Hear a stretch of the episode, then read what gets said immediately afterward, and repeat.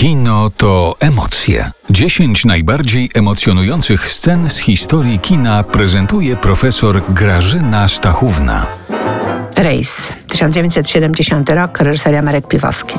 Drodzy Państwo, tego się nie da opowiedzieć.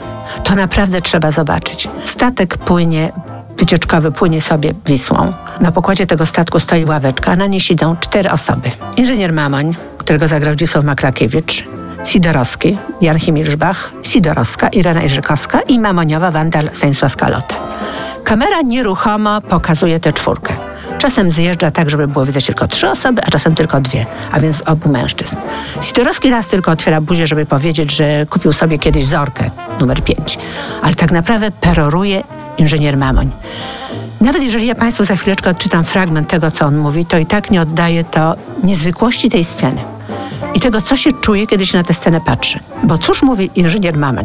Inżynier Maman, inteligent, jakby to powiedzieć, techniczny, przemawia do Sidorowskiego w kraciastej koszuli, który ewidentnie robi takie wrażenie robotnika. Himmelsmach, który w ogóle nie ma zębów, ma takie, taki grymas karpia ustawiony na twarzy i słucha z największym zainteresowaniem tego i największą uwagą, co inżynier Mamoń mu objawia. A inżynier Mamoń mówi tak. Ostatnio nie chodzę do teatru. W ogóle nie będę chodzić do kina, a szczególnie na filmy polskie. Nudzi mnie to po prostu. Zagraniczny to owszem, pójdę. Tak można, wie pan, przeżyć to jakoś. Ale w filmie polskim to tak jakoś nuda. Nic się nie dzieje. Dialogi niedobre, brak akcji jest. Nic się nie dzieje. Tak siedzę sobie w kinie i tak patrzę, patrzę na to, aż mi się chce wyjść z kina i wychodzę. To jest to jest nie do podrobienia. Trzeba posłuchać, jak to mówi Makrakiewicz, jak Sidorowski słucha, ale równocześnie musimy także zwracać uwagę na to, jak my tego słuchamy słuchamy Maklakiewicza i kiedy patrzymy na, na tę dwójkę bohaterów.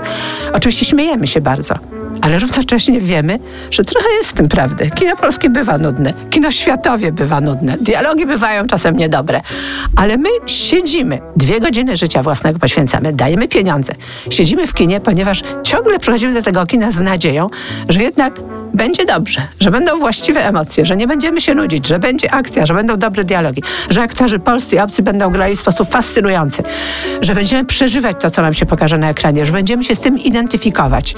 Identyfikujemy się oczywiście ze sceną, którą w tak genialny sposób pokazał i w jeszcze genialniejszy sposób zagrali to aktorzy na ekranie w rejsie. Chyba na zasadzie takiej kontry do tych nieustających naszych oczekiwań, że kino jest po to, żebyśmy go przeżywali, żebyśmy chodzili tam dla przyjemności, żebyśmy wynosili stamtąd radość, smutek, pouczenie, wesele, nie wiadomo co tam jeszcze, bo od tego jest kino. Bo kino tak na nas działa od tego momentu, kiedy 28 grudnia 1895 roku po raz pierwszy w ruchomym obrazie robotnicy wyszli z wrót fabryki braci Limier w filmiku, który Limier wtedy zrealizował.